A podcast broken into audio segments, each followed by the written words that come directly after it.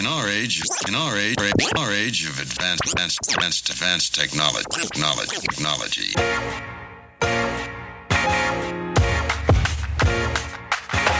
Digit, digit, digital Dialogues.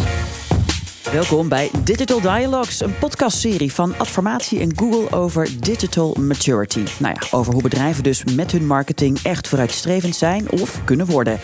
In zes afleveringen verken ik, Meike de Jong, samen met experts en specialisten het pad dat bedrijven moeten bewandelen om een digitale en datagedreven marketingorganisatie te worden. Nou, de vorige podcast hadden we het over data. En vooral over hoe je data met technologie voor jou kan laten werken. Denk bijvoorbeeld aan automation, maar ook de customer journey of customer experience. Maar je hoorde ook dat data en technologie alleen niet voldoende is. Je hebt hulp nodig. Innovatie uh, gaat snel, uh, disruptie gaat snel. Dus samenwerken met meerdere partijen en daar ook flexibiliteit in durven nemen, is denk ik uh, belangrijk. Zo blijf je altijd on top of the edge en, en, en up-to-date over alles wat er mogelijk is vandaag. Samen sta je sterk. Nou, dat is dus wel duidelijk. Maar toch kan het ook geen kwaad om goed te bedenken wat je wel en niet door anderen laat doen. Sommige partijen kiezen er bewust voor om de data bij hen te houden uh, en daar hun businessmodel omheen te creëren. Omdat op het moment dat je de data hebt, uh, je daar natuurlijk inzichten mee creëert en daar additionele services op kan, kan verlenen. Andere partijen zijn daar veel minder gevoelig voor of kiezen veel meer om, om zichzelf daarvoor open te stellen. Maar wie echt met data aan de slag wil, moet ook met de eigen marketingafdeling aan de slag. Want met alleen maar marketeers ga je het zeker niet redden. Je hebt echte datawetenschappers nodig. Mensen die data en algoritmes door hun aderen hebben stromen. En dat niet alleen. Je moet er ook voor zorgen dat al die verschillende type mensen met elkaar gaan samenwerken. Kortom, in deze podcast gaat het over hoe vorm je het perfecte marketingteam. En die vraag die ga ik beantwoorden vandaag met Beate van Dongen-Krombachs, partner bij EY VODW. Welkom. Dankjewel. En met Martin de Boer, commercieel directeur bij Corendon Hotels en Resorts. Ook welkom. Dankjewel. Nou, eerst maar eens even over dat, dat marketingvak. Um, in de laatste tien jaar is dat echt enorm veranderd. Er zijn ook heel veel uh, marketingbanen bijgekomen. Althans, uh, met hele mooie termen. Leuke Engelse uh, abstracte termen, mag ik wel zeggen. Martin, begin even bij jou. Misschien leuk om even mee te helpen vertalen. De Customer Insights Specialist. Komt bekend voor? Ja, die komt ook bekend voor, ja. Dat is eigenlijk ook een marketeer? Of? Ja, een van de, ja, een, de, de, de, nieuwe marketeers noemen wij dat. Oké, oké. Okay. Ja. Beate dan de, de programmatic advertiser. Ja, dat is ook een marketeer. Ook weer een marketeer, maar Ja. met iets andere skills weer. Het is een persoon die op basis van ehm, eh, techniek eh, weet welke advertenties je wanneer aan ehm, klanten voorspiegelt. Dan, eh, Martin, we hebben nog de, de shopmarketeer, de, de, de data scientist. Nou, dat zegt op zich dan wel Dat genoeg. genoeg, ja. ja, ja. ja. Eh, marketing intelligence. Ja, dat is op dit moment heel belangrijk. Oké. Ja, business intelligence, marketing intelligence. Ja, inzicht in data. En... Inzicht in data, eigenlijk van data ook informatie maken. Martin, maar, maar met al deze titels vraag ik me wel een beetje af... bestaat dan eigenlijk de gewone marketeer nog wel? Nou, dat is meteen een goede vraag. Want eigenlijk toen 20 jaar geleden begon in het online wereld, toen waren we gewoon marketeer. En alles wat online was, dat deden we. Van meten tot ja, Google, tot uh, nieuwsbrieven versturen. En nu is voor ieder onderdeeltje heb je een specialist. En binnen iedere specialisme ook nog meerdere specialisten. Uh, dus ja, de echte marketeer verdwijnt. Is dit dan goed nieuws of niet? Nou, ja, het worden he ja, heel veel specialisten krijgen. En ik vind het jammer, want de brede marketeer die een helikopterview heeft, die verdwijnt. Ja, ik vind het wel interessant, want de vraag is eigenlijk of niet iedereen in het bedrijf marketeer uh, wordt daarin. En ik denk eigenlijk uh, dat meer iedereen in het bedrijf een marketeer moet gaan worden en de brede rol heeft. En je daarnaast allerlei mensen hebt met meer specialisme. En wat, wat levert dat op? Uiteindelijk levert het op dat iedereen vanuit de klant uh, denkt en acteert in het bedrijf. En dat is uiteindelijk um, de manier om echt klantgericht te worden als, uh, als organisatie. Maar dat betekent een hele uh, omslag natuurlijk in een bedrijf. Dus niet alleen op die marketingafdeling, maar door het hele bedrijf heen. Ja, dat betekent een andere mindset. Hè. Dus iedereen moet echt vanuit de klant gaan uh, denken en acteren. Kijk, wat, uh, wat ik denk dat heel belangrijk is, dat je binnen organisaties multidisciplinaire teams gaat vormen. Uh, die samen aan opdrachten voor klanten gaan werken. Ja, en dan doe je van het EY zijn jullie natuurlijk heel erg aan het uh, adviseren en begeleiden jullie bedrijven daar zoveel mogelijk mee. Kun je uh, een paar voorbeelden noemen of een concreet voorbeeld waar, waar dat misschien wat lastig ging, zonder namen te noemen, maar wel hoe dat proces is gegaan en waar je dan op moet letten? Nou, wat je soms ziet is dat zo'n klantmissie niet vanuit de klant gedefinieerd is. En dus steeds meer organisaties werken in tribes en squads, um, eigenlijk al het Spotify-model. Of, of geef het andere termen, maar vaak zijn tribes en squads veel gebruikte termen. Maar wat je dan vaak ziet is dat de opdracht die zo'n tribe meekrijgt... nou een hele productgerelateerde opdracht is. Dus hoe ga ik zoveel mogelijk producten verkopen? Uh, in plaats van uh, hoe ga ik voor de klant een bepaalde beleving realiseren... of voor de klant iets uh, steeds beter neerzetten. Dus dat zie je dat uh, nog wel eens misgaat. En het andere is dat die verschillende expertises die ik net noemde, dat die niet allemaal aan boord zijn. Um, en dan wordt het ook lastig, want je hebt die, die vijf verschillende expertises heb je wel nodig om echt iets in beweging te zetten. Nou ja, als ik dat hoor, dan denk ik, ja, dit is echt zo'n uh, corporate. Het klinkt leuk, hè? Dus uh, EI, VODW, die, die komen langs. Op het moment dat dat plan geschreven is, dan hebben wij het al live staan. Uh, want ja, voor ons is dit ja, echt een... Ja, Gesneekoek. Ja, nou ja, wij, dit, dit kan leuk in een corporate. Dat je iedereen bij elkaar haalt, een plan gaat schrijven. Wie, wie, hoe gaan we dat doen, een missie, et cetera. En ik denk dat wij uiteindelijk nu nog, uh, ja, ik, ik ben er heel blij mee. Wij, ja, voordat het plan normaal ge, hebben wij het al live staan. Maar hoe dan? Hoe komt nou ja, dat dan? Uiteindelijk, ja, wij, wij, wij hebben toch wel meer generalisten. En uiteindelijk ook nog een stukje familiebedrijf. Een eigenaar die gewoon uh, nog elke dag bovenop het team zit. En dat, bij ons is het gewoon vandaag iets bedenken. En dat eigenlijk morgen live zetten. En ik denk dat we daarom nog heel snel zijn. En, en de time to market bij ons heel kort is. En ik denk dat we daarom ook zo'n zo'n positie nu hebben opgebouwd. Natuurlijk, als we groter worden en nog groter worden, dat gaat gebeuren. zeker veranderen. En, en zeker nu met uh, de mogelijke overname door Triton. Ja. Uh, en dan kom je toch in een soort corporate model. Uh, alleen ja, ik, ik vind wel genieten dat ik gewoon weer bij Corendon Hotels ja, vandaag iets bedenk en dat vanavond live heb staan. Is het, ja, ik, ik wil er wel even op toevoegen. Het zijn niet alleen maar plannen. Sterker nog, het zijn eigenlijk helemaal geen plannen. Uh, het zijn heldere doelen die je meegeeft uh, aan die teams. Maar natuurlijk is het zo, in een kleine organisatie uh, is, het, um, is dat overzichtelijker. En voor grote organisaties is het belangrijker om die doelen, hè, wat ik klantmissies noem, om die helder neer te zetten. Uh, maar het is zeker niet zo dat daar plannen worden gemaakt. Want die teams zijn gewoon bezig om iedere dag iets op te leveren voor de klant. Ik chargeerde dus... het ook zo. maar, nee, maar het is bij ons nog gewoon een heerlijk lekkere, korte... Ja, en mouw opstropen en gewoon lekker doen. Precies. Ja, oké. Okay. Beate, jij schreef een, een boek, hè, sowieso al twintig jaar bezig bij grote bedrijven... om, om klantenreizen te optimaliseren.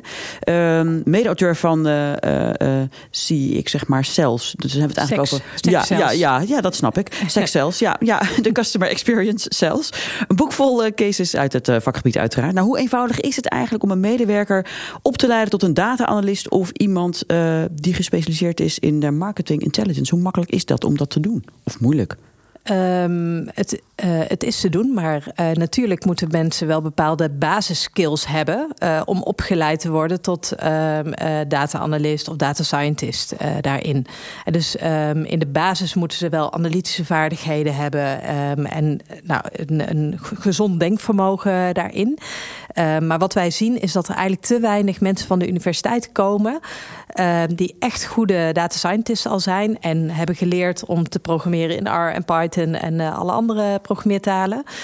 Um, en uh, daarom heb, zijn wij ook zelf aan de slag gegaan om mensen zelf op te leiden van de universiteit. Um, en eigenlijk ze in, nou, in, een x aantal weken tijd echt een boost te geven. Om de lancune die wij zien tussen hoe ze van de universiteit afkomen en waar het bedrijfsleven om vraagt, om die op te vullen.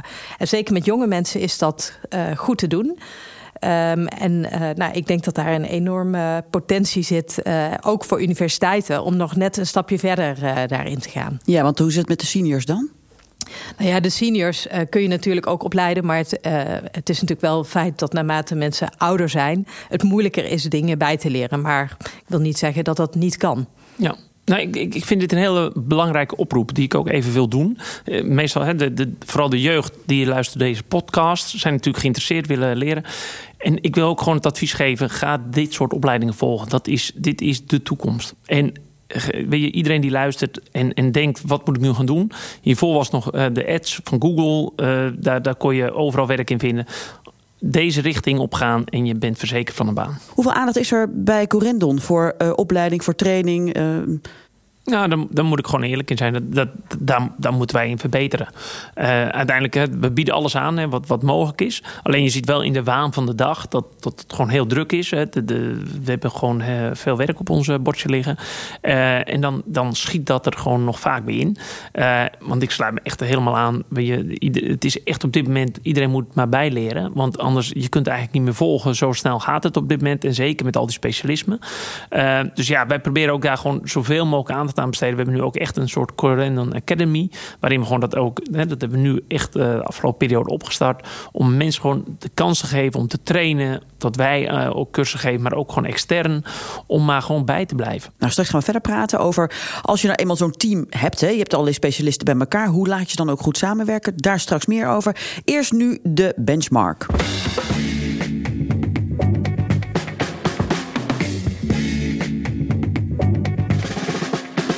Ja, want in elke aflevering vragen we onze gasten om de Digital Maturity Benchmark van Google in te vullen. Om eens te kijken hoe digitaal volwassen ze zelf nou eigenlijk zijn. Nou, scoren is te behalen van 0 tot en met 4. Waarbij een score van 4 betekent natuurlijk dat je bedrijf echt op en top digital is. Nou, Martin, we beginnen bij jou. Wat is jouw score? Werk aan de winkel. Nee, 2,4. Oké, okay, nou dat ja. is een beetje gemiddeld. Ja, nou ja, de, de, de industry average is 1,3. Dus dan zitten wij wel uh, in, de, in de goede... We zitten aan de goede kant. Ja, voelt dat ook zo voor jou? Of had je toen je ja, de vraag ik denk dat wij, Nee, nee ik, ik, ik, ik, ik, ik, had een hogere score verwacht nog. Want ik, ja, ik, we hebben het wel echt qua online echt heel goed op de rit. Maar toch niet helemaal als ik de cijfers bij elkaar nee, pak. Nee, maar ja, uiteindelijk is het natuurlijk een. een, een uh, ja, ik, ik heb het naar waarheid ingevuld. Maar ja, we hebben dus nog werk aan de winkel. Er is nog meer te doen. Waar zit het hem in? Nou ja, de, de, uiteindelijk er is voor ons uh, uh, een hele mooie score, denk ik. Als we kijken naar de, de gemiddelde in de industrie. En ik denk, ja, uiteindelijk moeten wij nog verder gaan. Want ik denk dat we nog maar aan het begin staan. Ook zeker met Corendon Hotels. Um, ja, moeten we gewoon weer opbouwen. Wat we hiervoor bij onze tour operator hebben gedaan. Beate.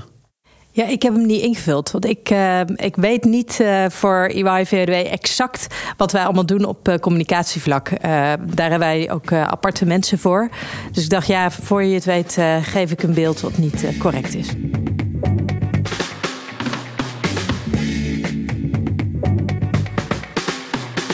Nou, Martin, we gaan het in dit tweede deel wat meer hebben over um, nou, hoe je al die specialisten nou eigenlijk laat samenwerken met elkaar. Uh, ja, hoe doe je dat eigenlijk? Hè? Want iemand van de afdeling branding spreekt misschien weer een totaal andere taal natuurlijk dan een datawetenschapper. Ja, ja zeker. Absoluut. Ja, dat, nou ja, dat is ook de uitdaging op dit moment. Uh, om iedereen bij elkaar te krijgen. Continu, de, of eigenlijk met de neus dezelfde richting in te krijgen. Maar hoe begint dat dan? Maandagochtend, uh, Corendon, 9 uur of 8 uur komen de eerste medewerkers binnen en dan? Dan beginnen altijd onze teammeetings. Dus dan uh, halen we iedereen bij elkaar en wat we ook gaan doen. En, en delen we ook alle campagnes die we aan het voeren zijn en wat we gaan doen deze week. We zitten nog heel kort op de, op de business. Uh, bij ons is het toch wel eh, afhankelijk van het weer, van wat er gebeurt um, en hoe we lege, leegstand hebben of niet.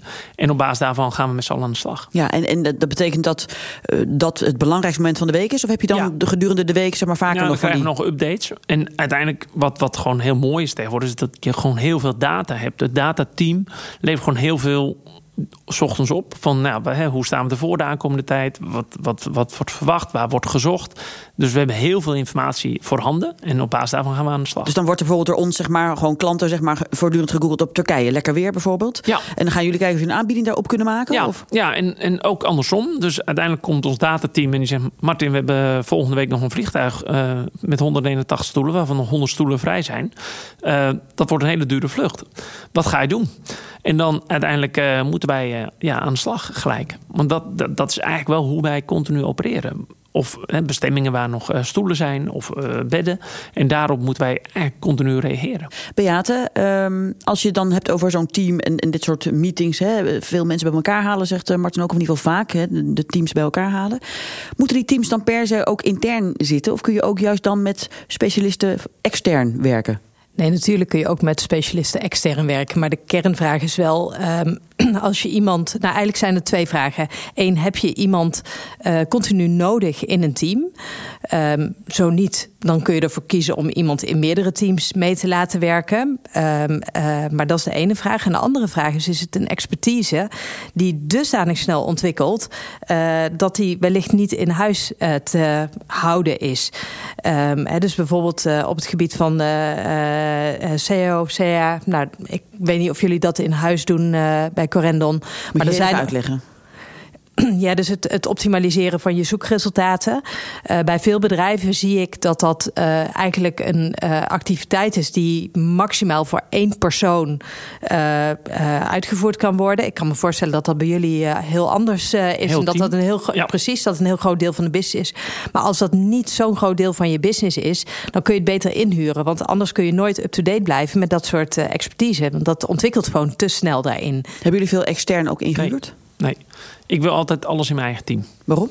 Ik wil mensen die gewoon dedicated voor ons eh, bezig zijn. Die kijken naar buiten, naar het weer. Um, die weten wat er aan de hand is, wat er speelt. Um, dus ik, tuurlijk hebben we wel uh, onderdelen inderdaad waar, waar je gewoon niet iemand fulltime voor kunt aannemen omdat het zo'n expertise is. Dus dan huren we wel eens iemand in. Uh, alleen het kernteam, het, het, het belangrijkste team, wil ik altijd in huis hebben mensen moeten gewoon naar buiten kunnen kijken. Mensen moeten in het bedrijf horen wat er speelt. Mensen moeten weten welke nieuwe bestemmingen we bezig zijn, waar we mee, welke nieuwe hotels er komen. En op daarop gewoon kunnen reageren. En hoe is het dan hiërarchisch? Oh, Beate, ja. Ja, ik, ik wil nog even ingaan op jouw uh, samenwerken in het team. Hè? Want um, wat jij net ook al aangaf, uh, ze moeten natuurlijk een, uh, een helder doel hebben, hè, waar we het eerder over hadden, die klantmissie. Maar het andere, en dat raak jij net ook even, is ook, um, je wil mensen hebben met hetzelfde DNA in het team. want we hebben het nu de hele tijd over de expertise en de competenties die ze moeten hebben. Maar het is minstens zo belangrijk dat je echt een team neerzet. Um, en nou, ik maak vaak de vergelijking met een vriendenclub. Weet je, dat zijn ook vaak mensen met dezelfde soort DNA. Maar je vrienden kunnen ook hele verschillende personen zijn. Hoe kom je op het punt met zo'n team dat dat vertrouwen er is? En dat je dus bijna een soort van vriendenclub bent, maar natuurlijk wel gewoon professioneel? Je wil mensen hebben met hetzelfde DNA uh, in het team. Uh, want we hebben het nu de hele tijd over de expertise en de competenties die ze moeten hebben. Maar het is minstens zo belangrijk dat je echt een team neerzet. Um, en nou, ik maak vaak de vergelijking met een vriendenclub. Weet je, dat zijn ook vaak mensen met dezelfde soort DNA. Maar je vrienden kunnen ook hele verschillende personen zijn. Uh, en uh, uiteindelijk moet er een basis van vertrouwen zijn en openheid. Je moet alles kunnen zeggen. En uh, dat is naar mijn idee wel echt de crux van effectieve teams en teams die ook hele mooie resultaten neerzetten. Hoe is dat, Martin, bij jullie? Gaat dat ja, ook op die manier? Dit, dit, dit, klinkt als muziek in mijn oren. Nou ja, dit is eigenlijk hoe ik continu werk. Ik, weet je, het is eigenlijk een soort vriendenploeg. Uh, want uiteindelijk is het heel hectisch bij ons. Het is uh, ook hard werken. Maar eigenlijk, ja, dit, dit is precies zoals ik het team wil samenstellen. Iedereen moet eigenlijk, ja, gisteravond ging iedereen even door. Weet je, dat is dan, ja, dat, dat, en dan niemand klaar. Iedereen is gewoon, uh, ja, het is eigenlijk een soort vriendenploeg. En dat, ja, dat, ik denk dat dat het allerbelangrijkste is. Ja, jij zegt, we gingen gisteravond wat langer door. Is dat omdat jij het gevraagd hebt? Of omdat er net iemand uit het team dat dan gezegd heeft? Ja, dus hoe hiërarchisch is dat dan nog? Nou, dit, dit, keer was ik niet eens echt de, de, de aanstichter. uh, dus het team heeft iets uh, geregeld. Dus die had een event uh, geregeld. En die hebben gewoon gezegd, nou, wij helpen gewoon mee en we zijn erbij. En iedereen was er gisteravond bij. En dat, ja, dat vind ik dan echt geweldig. Ja, en natuurlijk moet je als organisatie wel organiseren... dat ook de randvoorwaarden zo zijn... dat het team echt als vriendenploeg kan werken. En zeker in grote corporates zie je nogal eens dat mensen tegenstrijdige KPI's hebben. Uh, en dat zij in zo'n team zitten, maar eigenlijk een vertegenwoordiging zijn van een bepaalde afdeling. Maar hoe kun je dat voorkomen dan? Door ze gezamenlijke KPI's te geven op zo'n klantmissie, um, waar ze ook daadwerkelijk het resultaat voor in de markt willen neerzetten. Ja, en ondertussen niet vergeten dat die andere doelen er natuurlijk ook nog zijn. Ja, maar uh, zo'n gezamenlijke opdracht kan uit meerdere KPI's bestaan. Maar door ze allemaal dezelfde KPI's te geven, um, of daar in ieder geval een gezamenlijke verantwoordelijkheid in te geven, krijgen ze daar met elkaar het gesprek over. En als je dan mensen met uh, nou, het, het, juiste DNA of hetzelfde DNA en um, nou, die echt met elkaar willen samenwerken hebt, dan geloof ik wel dat er mooie teams kunnen ontstaan. Oké, okay, dan komt mijn laatste vraag eigenlijk alweer. Um, Martin, in dit geval even aan jou de vraag en uiteraard Beate straks ook voor jou. Stel voor, je zou nu een nieuw marketingteam moeten gaan opbouwen. Wie wil je als eerst aan boord en waarom? Ja, nou, in die positie zit ik nu. Dus dat is heel fijn. Um, en ja, dat zijn eigenlijk de, voor mij de drie belangrijkste zijn eigenlijk een analist, een data-analyst, die eigenlijk alles uitzoekt. Dus eigenlijk ja, een soort marketing, uh, marketing intelligence. Een uh, CRM en een Google specialist. Ja, ik vind de keuze van drie uh, ingewikkeld. Uh, maar ik zou zeggen, uh, in ieder geval een businessstratege heb je nodig die vanuit het, nou, het grotere businessperspectief kan denken. We hebben een, een designer, een creatief nodig en we hebben een dataspecialist nodig. Maar eigenlijk wil ik een beetje smokkelen en uh, die IT'er er toch ook bij uh, trekken. Wat is voor jullie een advies voor mensen die nu aan het luisteren zijn? Um, wat je als je meegaat in die, uh, ja, die, dat digitaal volwassen worden in een bedrijf, in een organisatie. Welke rol als marketeer of als marketingafdeling? Wat moet je vooral wel of wat moet je vooral niet doen? Martin, begin bij jou het, plezier in het werk is het allerbelangrijkste. En, en als iemand bij mij binnenkomt en zegt: weet je, heeft iets uitgevonden bij Google Ads, weet je, dat kunnen we beter doen. En die komt daar met een glimlach en echt helemaal trots. Dat, dat, dat wil je bereiken. Dus uiteindelijk moet het iets zijn waar je plezier in hebt. Niet, niet denken van: nou, ik heb een baangarantie en dan ga ik maar in de analytic hoek zitten. Uh, je moet daar, hè, je moet wel analytisch aangelegd zijn. Je moet daar zin in hebben. Je moet dingen willen uitvinden, uh, willen uitzoeken. En dan moet je gewoon die keuze maken. Maar ik vind plezier is het belangrijkste. Ja, ik zou zeggen, begin met het bouwen van een sterk team. Uh, waar plezier inderdaad een cruciaal uh, element uh, in is. En geef dat sterk team een hele duidelijke richting mee. En als je dat doet geloof ik dat je heel effectief bent als organisatie. En dat is denk ik ook vaak het succes van de kleine organisaties ten opzichte van de grote corporates. In de grote corporates zie ik te vaak dat mensen niet met plezier iedere dag naar hun werk gaan. Uh, en niet hun uh, collega's omarmen en zeggen: joh, we gaan samen echt wat neerzetten. En ik denk dat ze daar veel van uh, bedrijven als jullie kunnen leren. Ja, ik kan me voorstellen dat het wel van twee kanten moet komen, de liefde. Dus de liefde kan natuurlijk van de mensen op, het, op de werkvloer zeg maar, komen, samen. Samen zorgen dat je het leuk hebt. Maar inderdaad ook zeker natuurlijk daarboven. Er moet een visie zijn. En er moet ook een soort van nou ja, wat verantwoordelijkheid of wat ruimte zijn zeg maar, voor de teams om ook nou ja, zichzelf te ontwikkelen zonder dat die strategie natuurlijk van boven niet moet ontbreken. Ja, helemaal eens. En uh, die liefde moet uh, bovenin uh, natuurlijk ook beginnen. en, en hij moet ook onderin beginnen en elkaar tegenkomen. Maar die liefde moet net zo goed in de top van de organisatie aanwezig zijn. Beate, Martin, dankjewel. Nou, dat is een mooie afsluiter eigenlijk, Beate. Want onze volgende en laatste aflevering alweer in deze podcastserie... gaat over hoe je het bedrijfsbreed nou eigenlijk dan zou moeten aanpakken. Van echt de CEO tot eigenlijk de werkvloer... tot nou ja, iedereen die in het bedrijf rondloopt. Om samen die stap te maken naar digitaal volwassen worden. Want het is natuurlijk niet een opdracht voor alleen maar de mensen op C-level niveau... of alleen maar de mensen op de marketingafdeling... of mensen die met data bezig zijn, maar eigenlijk van het hele uh, bedrijf. Nou, dat dus in aflevering nummer 6. Want dit was de vijfde natuurlijke aflevering van Digital Dialogues. Een podcast van Adformatie en Google. Wil je niks missen? Abonneer je dan zeker via iTunes of Spotify... of natuurlijk waar je deze podcast vandaan haalt. En hou uiteraard ook de Adformatie website en Think with Google in de gaten. Mijn naam is Meike de Jong. Heel graag tot een volgende keer.